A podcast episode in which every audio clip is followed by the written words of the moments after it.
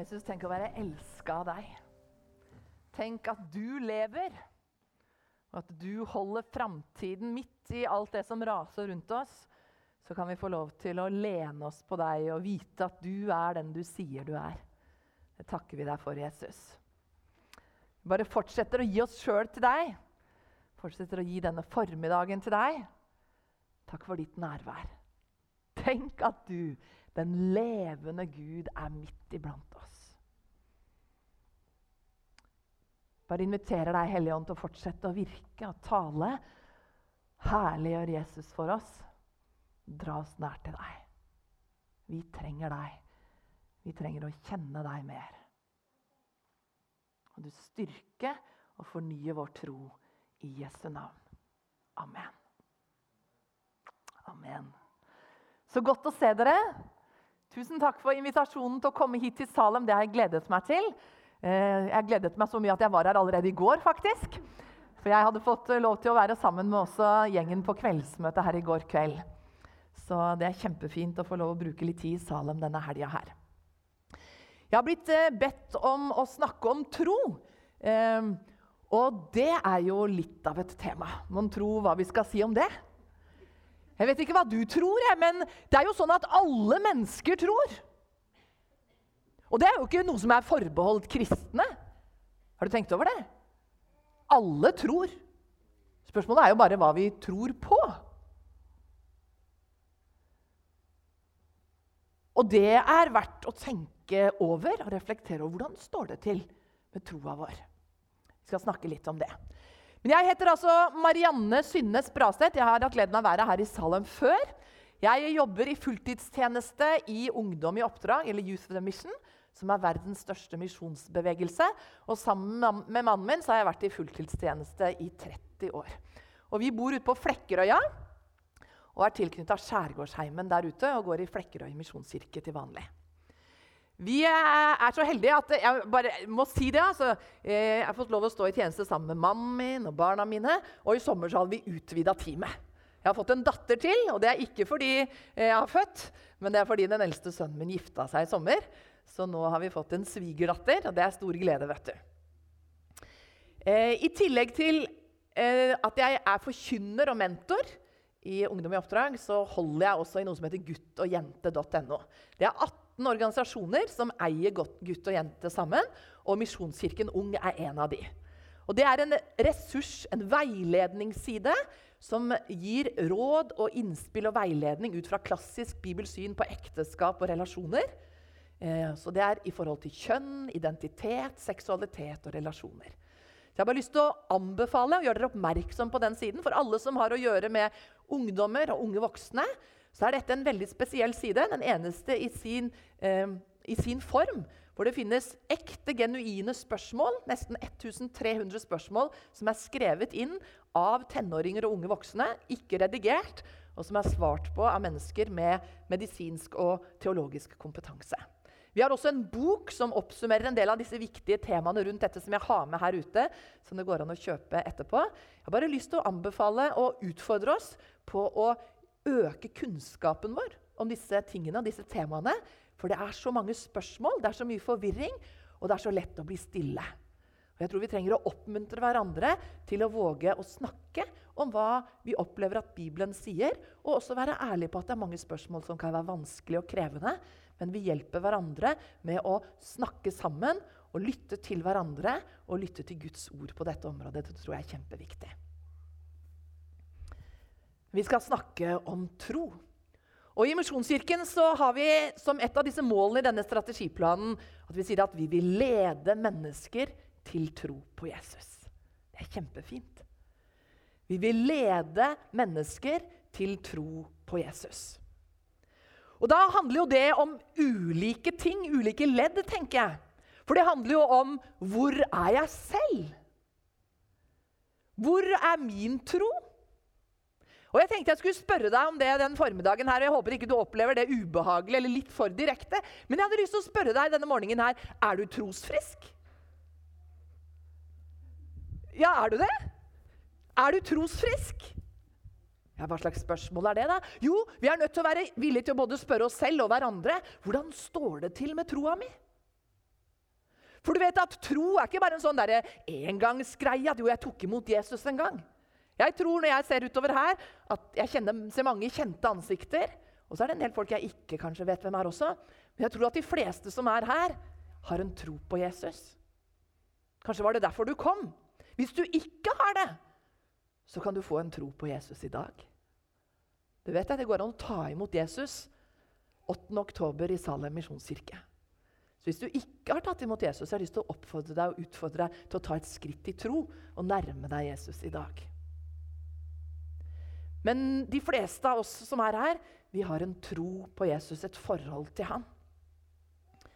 Men er du trosfrisk? Du vet at Hvis vi skal lede mennesker til tro på Jesus, så trenger vi også å gå i tro selv.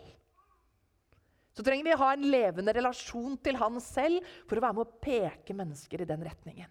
Hvis vi skal lede mennesker til Jesus, så må vi sørge for at det er i den retningen vi også går selv. At det er der vi har fokuset, det er der vi retter blikket vårt.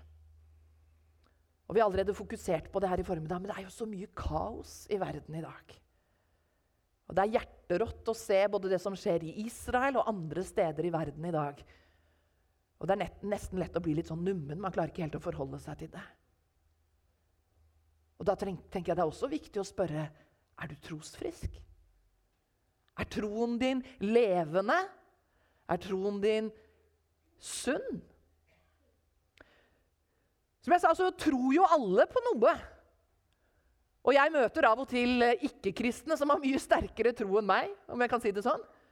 Som tror på alt mulig rart og er overbevist om det ene og det andre.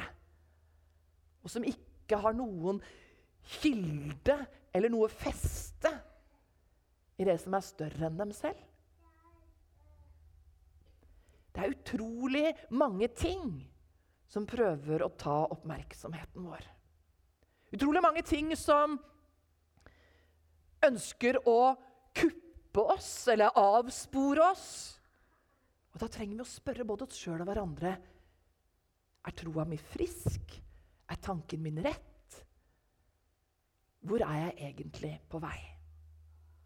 Og jeg har kjent når jeg har forberedt meg til den helga her og til den dagen her, at jeg skal utfordre oss til å feste blikket. Og jeg sier ikke at du ikke har festa blikket før, men kanskje trenger både du og jeg igjen og igjen å minne hverandre på å utfordre oss sjøl på å feste blikket. For i Hebreerne 12, vers 1 og 2, så står det La oss legge av alt som tynger, og synd som så lett fanger oss inn, og med utholdenhet med utholdenhet fullføre det løpet som ligger foran oss. Med blikket festa på Han som er troens opphavsmann og fullender Jesus. Og akkurat det ber vi om, far. At vi skal få feste blikket på nytt den formiddagen her på Jesus. Må du justere blikket vårt og fokuset vårt, sånn at vi ser deg friskt med troens øye igjen den formiddagen her. Det ber vi om i Jesu navn. Amen. Ser du at Jesus han er både troens opphavsmann og fullender? Og så blir vi både invitert og utfordra til å feste blikket på han, til å hvile blikket der i han, hos han. Og når vi gjør det, så er det faktisk ingen grunn for at blikket vårt skal flakke. Fordi i han så finnes alt det vi trenger. Han er både begynnelsen, han er troens opphavsmann. Alt starter hos han. Og han er der det slutter. Det ender hos han. Han er fullenderen. Og jeg tenkte på det i dag at hvis alle mennesker hadde festa blikket på han, da hadde det vært fred. Har du tenkt på det? For han er jo fredsfyrsten. Hvis alle mennesker hadde festa blikket på han, da hadde det ikke egentlig vært rom for hat. For han er kjærlighet. Hvis alle mennesker festa blikket på han, så ville spørsmål og stridsspørsmål stilne. For han er jo svaret. Han er jo sannheten. Høres det altfor enkelt ut? Jeg tror at mange ganger så gjør vi det altfor komplisert når det handler om troa vår. Det er Jesus som er fokus for vår tro. Han er opphavet, han er målet, han er kilden. Det er han vi tror på, det er han som frelser. Det er ikke alt mulig annet. Det er bare han. For det er ikke gitt noe annet navn som vi kan bli frelst ved. Og I Romerne så står det sånn her i kapittel 10 Jeg skal lese fra vers 9, og så lander vi i vers 11, det som står på skjermen der. Der står det sånn her For hvis du med din munn bekjenner at Jesus er Herre, og i ditt hjerte tror at Gud har oppreist Han fra de døde, da skal du bli frelst. Med hjertet tror vi, så vi blir rettferdige. Og med munnen bekjenner vi, så vi blir frelst. Og Skriften sier ingen som tror på Han, skal bli til skamme. Så vi blir utfordra og invitert til å tro i vårt hjerte at Gud har oppreist ham fra de døde, og bekjenne med vår munn at Jesus er Herre. Og da skal vi bli frelst. Akkurat så enkelt og så vanskelig er det.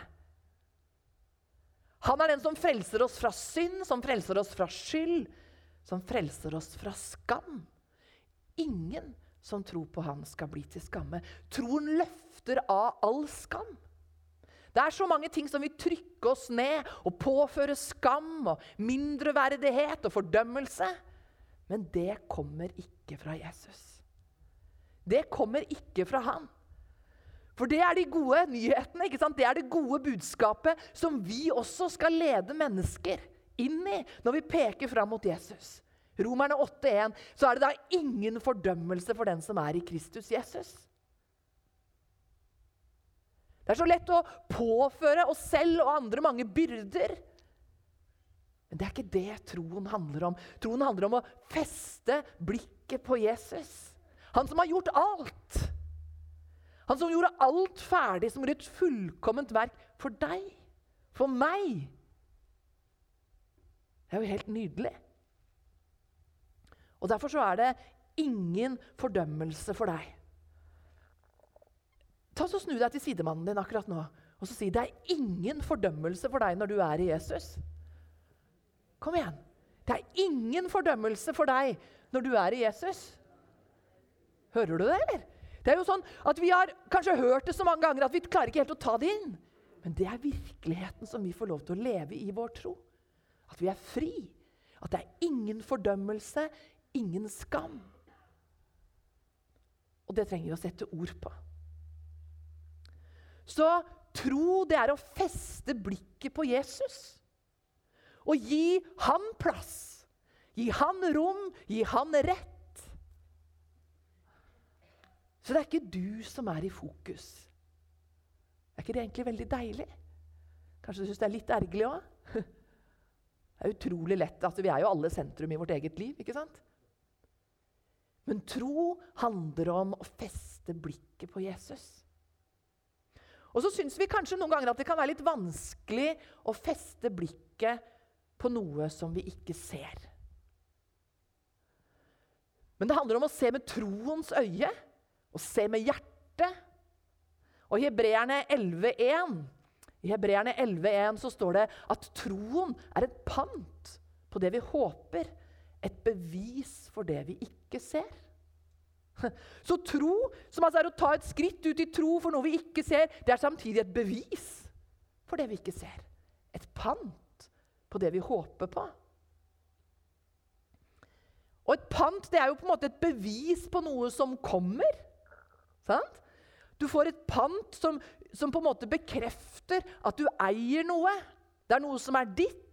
Det er noe som skal bli utbetalt. Du har det ikke fullt og helt enda, men du har et bevis for at det kommer.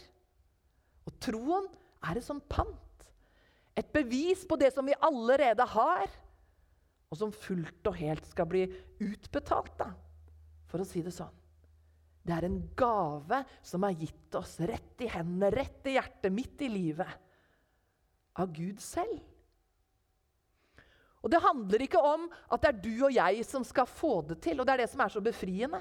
Sant? For troen er ikke en prestasjon, men troen er en gave, sånn som det står i Efeserne 2, 8-9. For av nåde er dere frelst ved tro.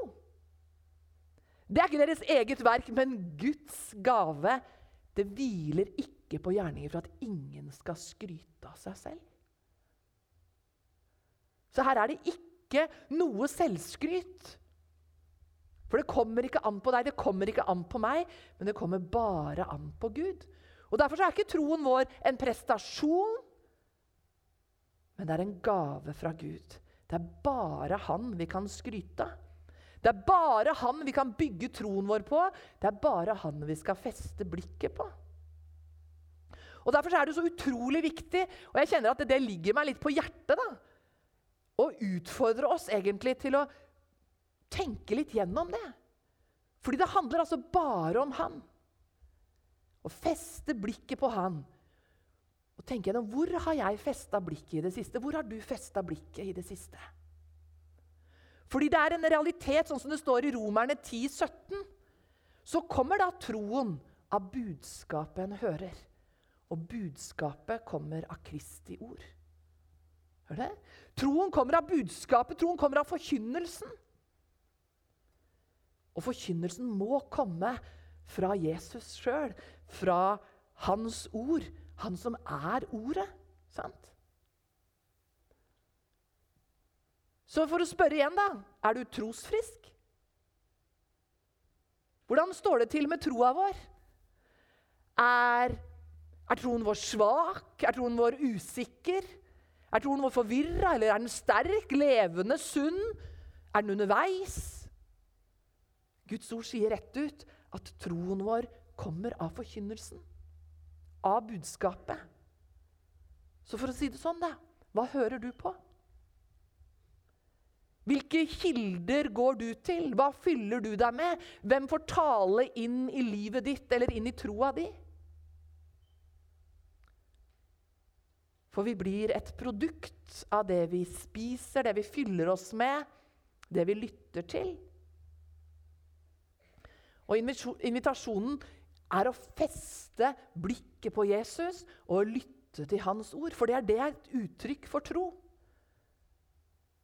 Tro er å feste blikket på Jesus og lytte til han. Lytte til hans ord.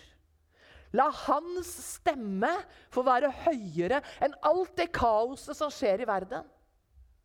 La hans sannhet få definere hvem jeg er, min verdi, hva som er sannhet, hva som er den retningen jeg er kalt til å lede andre mennesker i. La hans autoritet få være større og høyere og viktigere enn andre autoriteter. La Bibelen få snakke sant om livet om Jesus, om etterfølgelse.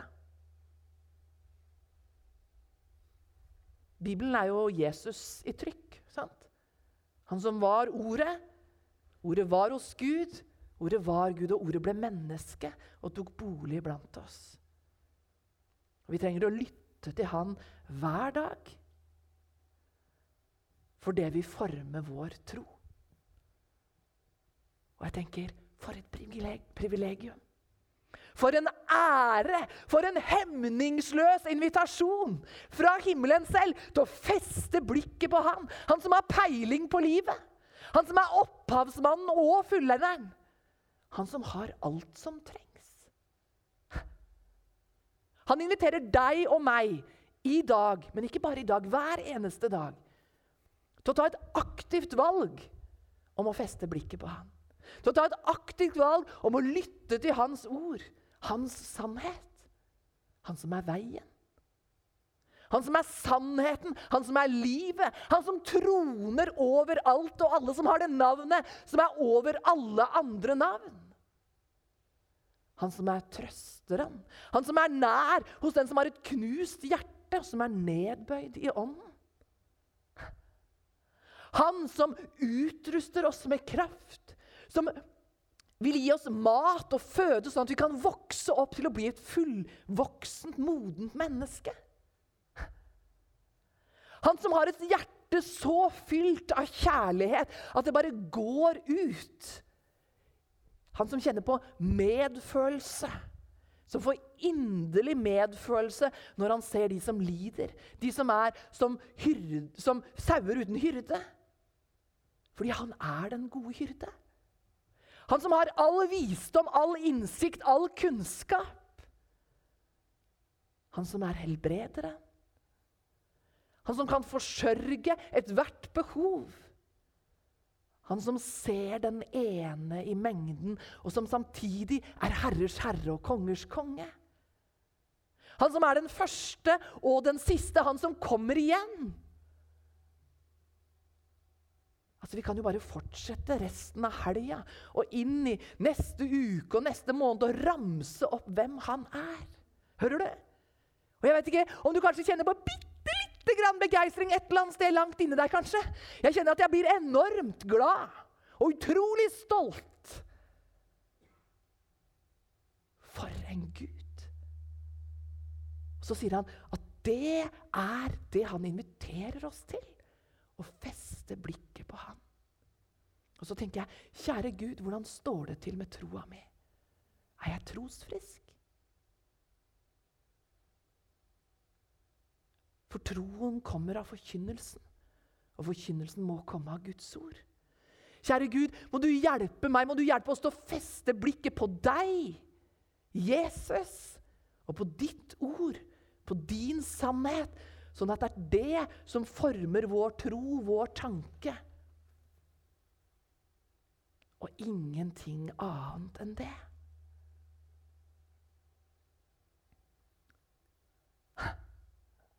La oss feste blikket på han på nytt i dag.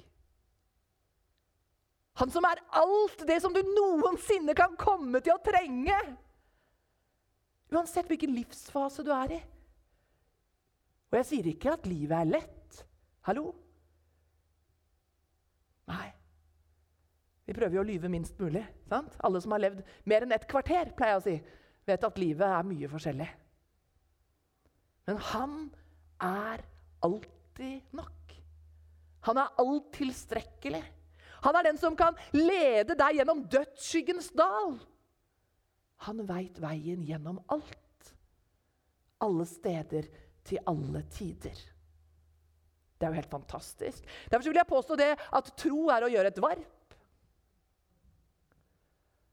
Ja, altså, Jeg vet ikke hva du tenker når du leser det der, eller hører det. Altså, da kan jo tanken gå i retning av å gjøre noe som gir god gevinst. liksom en skikkelig kupp. Og det kan det bety. Men jeg har lært noe nytt de siste dagene. Uh, og hvis det er noen sjøfolk her, så vet du kanskje hva et varp er.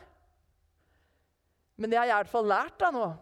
At når sjømenn gjorde et varp, så vil det si at de rodde ut fra skuta med en skikkelig tjukk trosse, et tjukt tau. Og så festet de det i noe utenfor skuta. Et fast punkt på land. Og så gjorde de det for å, å stoppe skuta, for å bare drive inn til land.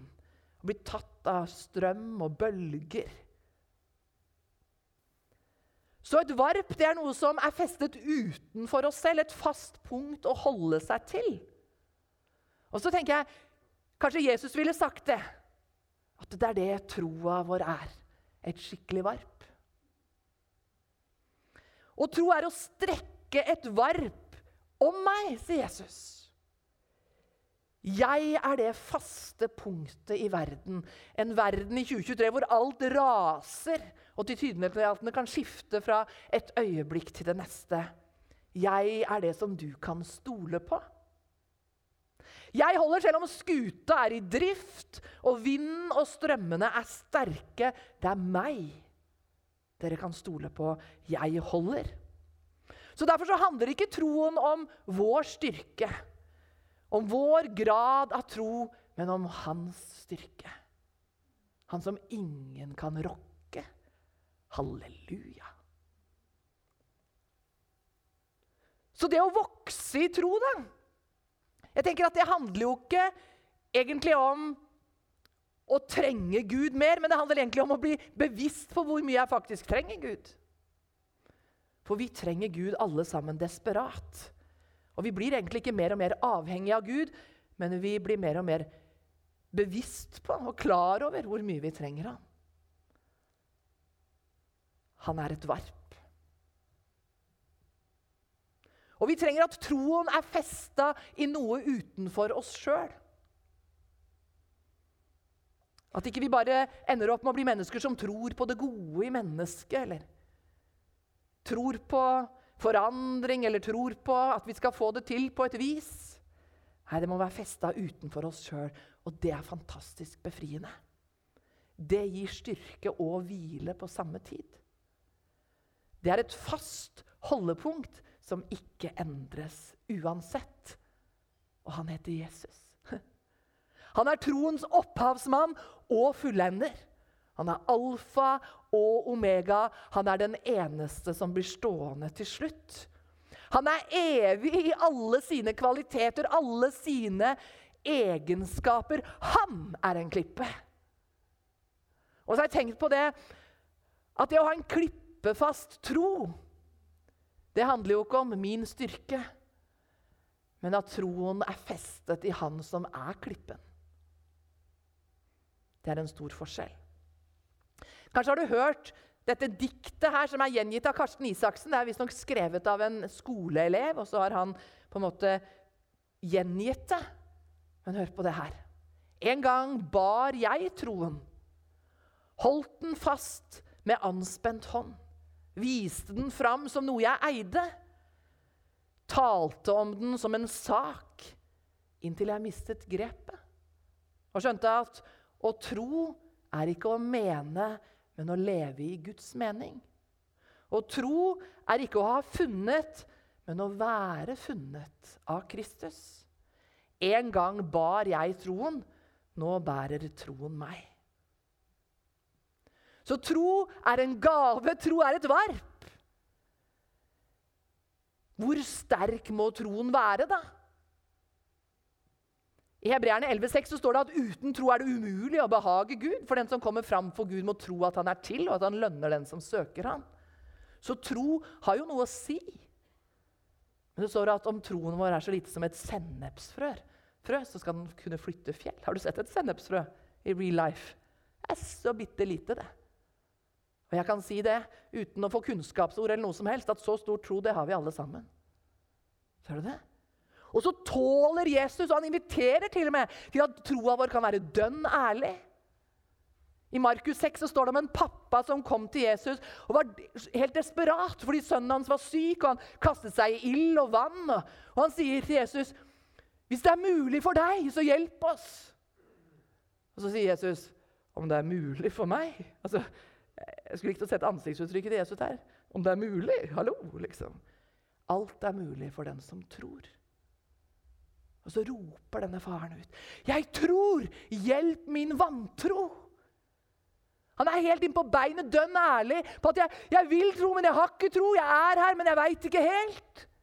Og øyeblikkelig, som en respons på hans ærlige vantro eller mangel på tro eller usminka tro, så helbreder Jesus sønnen hans. Jeg elsker det. For tro handler ikke om min styrke, men hans styrke. Å være festa i Han som er klippen. Så tro er å feste blikket på Jesus og lytte til Hans ord og leve det ut. Handle på det. For tro har det i seg, i sin natur, at den er i bevegelse. Vi skal lede mennesker til tro på Jesus, og vi trenger å være i bevegelse sjøl. Det er helt naturlig, det. I jødisk kultur er det sånn at du kan ikke egentlig si at du tror noe hvis ikke du gjør det. Du kan ikke egentlig si at du tror noe hvis ikke det er mulig å se det i livet ditt. Fordi det er ikke en teori, det er ikke en, en teknisk øvelse. Men det er å feste blikket på Jesus, og da blir vi forvandla av det. Det er å lytte til hans ord, og det gjør noe med oss sånn at vi handler på det. For en uke siden så kom mannen min og jeg tilbake fra et land i Midtøsten. Et muslimsk land hvor vi hadde vært på tur. Og Blant annet så underviste vi på en disippeltreningsskole. Um, Det er et sted hvor det ikke er lov å ha disippeltreningsskole, så det finnes teknisk sett ikke en disippeltreningsskole der. Men vi underviste i hvert fall på den. da. Og så gikk vi ut, og de var ute og snakket med folk. Og det er så mange som søker etter Jesus, etter sannheten i muslimverdenen. Og så var det to av gutta fra skolen som var på en kafé. og Så traff de to servitører og kompisen deres. Og han Kompisen han hadde brukket armen, så han hadde smerter i armen. Han hadde en slags gips. Og Så fikk de be for ham, og så forsvant smertene. Han ble momentant helbreda. Og De ble jo litt satt ut, ikke sant, disse gutta, eh, disse muslimene. Og så avtalte Dette var på mandagen, så avtalte de skulle møtes igjen på torsdag. Og når de to eh, vennene mine møtte opp der, så var det bare de to servitørene som kom. Han som hadde blitt helbredet, kom ikke. For han hadde blitt sånn Oi, det var, var, det magi, eller hva var det som skjedde? Han ble fryktelig usikker, liksom. Ble litt redd. Så tenkte jeg, dere får gå, gå, dere. Og så kom disse to gutta, så sier de Vi vil at dere skal be for oss også. Be om at vi skal kjenne at Gud finnes. Og hvis vi ikke kjenner noen ting, så går vi. Men hvis vi kjenner noe, så skal dere få lov til å forkynne eh, for oss det dere tror på. Det er jo en heftig utfordring å få. Og så sier Caleb, han ene sier, ok, jeg er jo ikke Gud, så jeg kan ikke love dere at dere skal kjenne noe, men jeg vet at Gud er levende. Så jeg skal be han om å vise seg for dere. Og så sto de, de fire gutta holdt hverandre i hendene, og så ba de om at Gud skulle komme. Og så kom Guds kraft. Og så bare traff disse to gutta, disse to muslimene, og de bare ble sånn Så på hverandre. Kjenner du det òg? Kjenner du det? Kjenner du det? Ja, jeg kjenner det. Og så bare berørte Gud dem. Og så fikk disse to vennene mine lov til å forkynne evangeliet i én time og bare tale Jesus inn i livet deres. Og så skulle de møtes igjen denne uka her. For tro er å feste blikket på Jesus, lytte til han og leve det ut. Og handle på det. Og mennesker lengter etter det. Og det å si ja i tro til det som Gud utfordrer oss til, det kan forandre ikke bare vårt eget liv, men andre menneskers liv. Og til slutt i dag så har jeg lyst til å bare hedre en av mine troshelter. Som har gjort akkurat det. Som har sagt ja til det å feste blikket på Jesus. Sagt ja til å lytte til hans ord, og som har levd det ut. Og det er Lauren Cunningham, grunnleggeren av Ungdom i oppdrag. Kanskje har dere fått med dere det i nyhetene, men han sovnet stille inn på fredag i en alder av 88 år. Og jeg er så takknemlig til Gud. Han bærer Han har båret en, en, en, et kall, og han har på en måte berørt så utrolig mange menneskers liv. Men han var en vanlig ung mann som lengtet etter å kjenne Jesus og følge ham. Og I 1960 så startet han Ungdom i oppdrag, eller Youth for the Mission, som er verdens største misjonsbevegelse. På den tida var det veldig uvanlig å ha tro på unge mennesker og gi dem en sjanse i misjon og i tjeneste. Men fordi de opplevde Guds tiltale, han og Darlin, så trådde de ut på det. Og Jeg har hatt gleden av å treffe han mange ganger gjennom disse 30 årene. Og for en mann av ydmykhet og visjon og kjærlighet til Guds ord. Én persons tro kan forandre nasjoner. I dag er det mer enn 25 000 mennesker som er i fulltidstjeneste i Ungdom i oppdrag. Ungdom i oppdrag har vært på alle kontinenter. Lauren har personlig vært i hver eneste nasjon og forkynt evangeliet. Og Det målet var han den første som nådde for ca. 30 år siden allerede.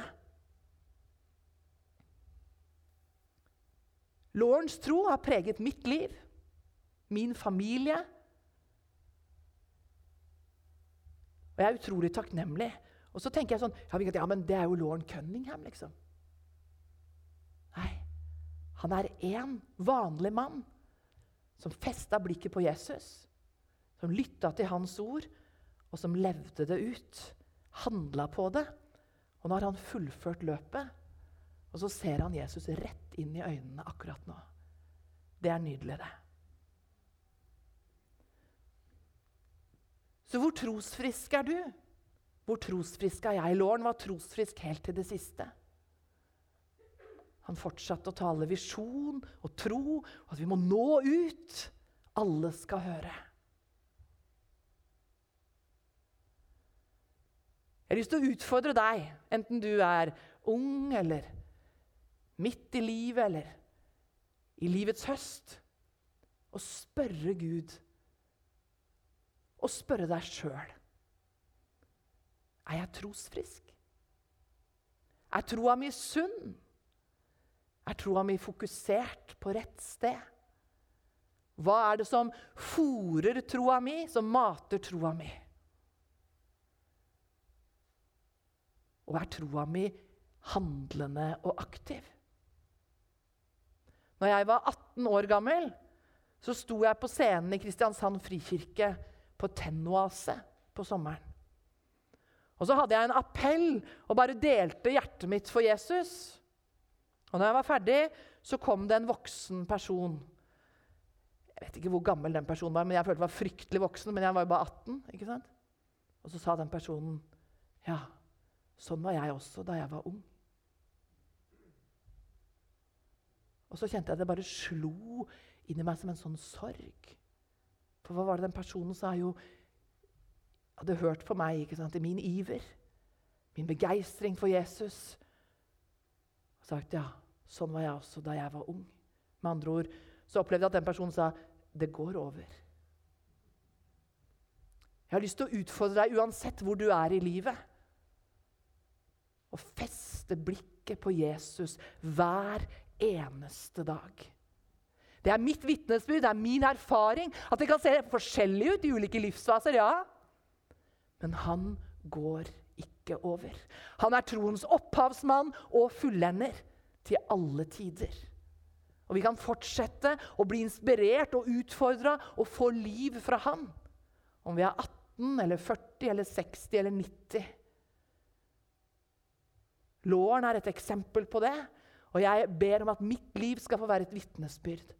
Om at jeg kan være trosfrisk. At vi kan få stole på Han uansett hvor vi er i livet. Og så handler det ikke om min styrke eller om din styrke, men det handler alt om Han. Vi kan ha en klippefast tro fordi det er Han som er klippen, og vi gjør et varp med å feste oss til Han. Så gode Hellige Ånd, vi takker deg for at du kjenner hver enkelt av oss. Vi takker deg for at du veit akkurat hvor vi er, hvordan det står til med troa vår. Jeg takker deg for at du utfordrer oss og inviterer oss til å feste blikket på deg igjen denne formiddagen. I oktober 2023 og feste blikket og hjertet og livet vårt på deg. Takk at uansett hva vi står i, uansett hva som raser i verden rundt oss, så er du den samme. Du rokkes ikke. Ingen truer deg. Vi løfter opp ditt navn. Og så innrømmer vi gladelig det at vi trenger deg. Vi trenger at du er vår tros rettesnor. Vi trenger at du er vår tros kilde. Vi trenger at du er den som driver oss i, eh, i din kjærlighet, driver oss til handling. Ber for alle som er her i Salem i formiddag. At du skal styrke og forfriske og fornye vår tro. Det handler om deg og ikke om oss. Takk skal du ha, Jesus. Og så tror jeg at Gud sier sånn her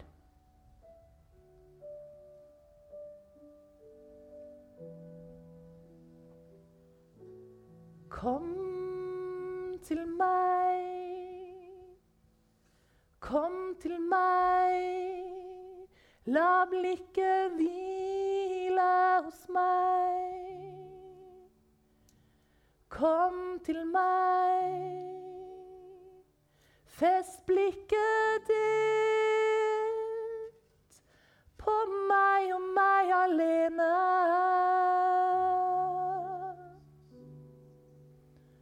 Kom til meg.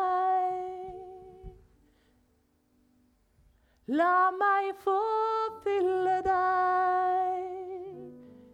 La meg få fylle deg med sannhet sannhet fra mitt hjerte. For jeg er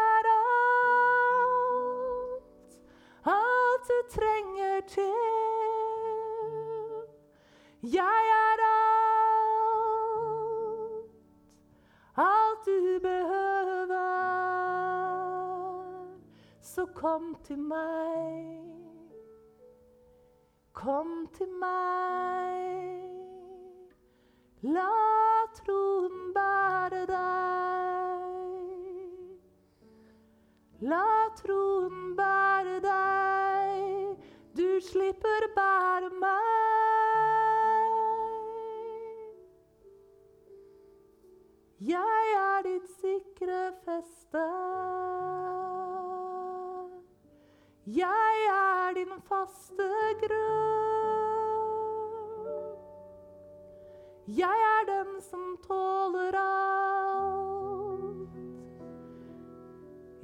slipper aldri taket.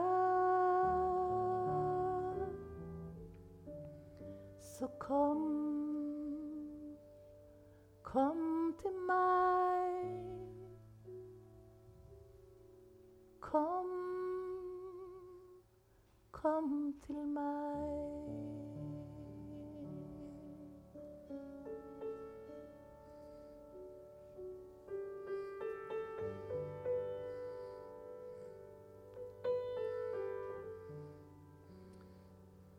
Hvis du kjenner at det er godt å gi en respons til Gud, som et aktivt gjensvar på å si at jeg ønsker å feste blikket på nytt på deg.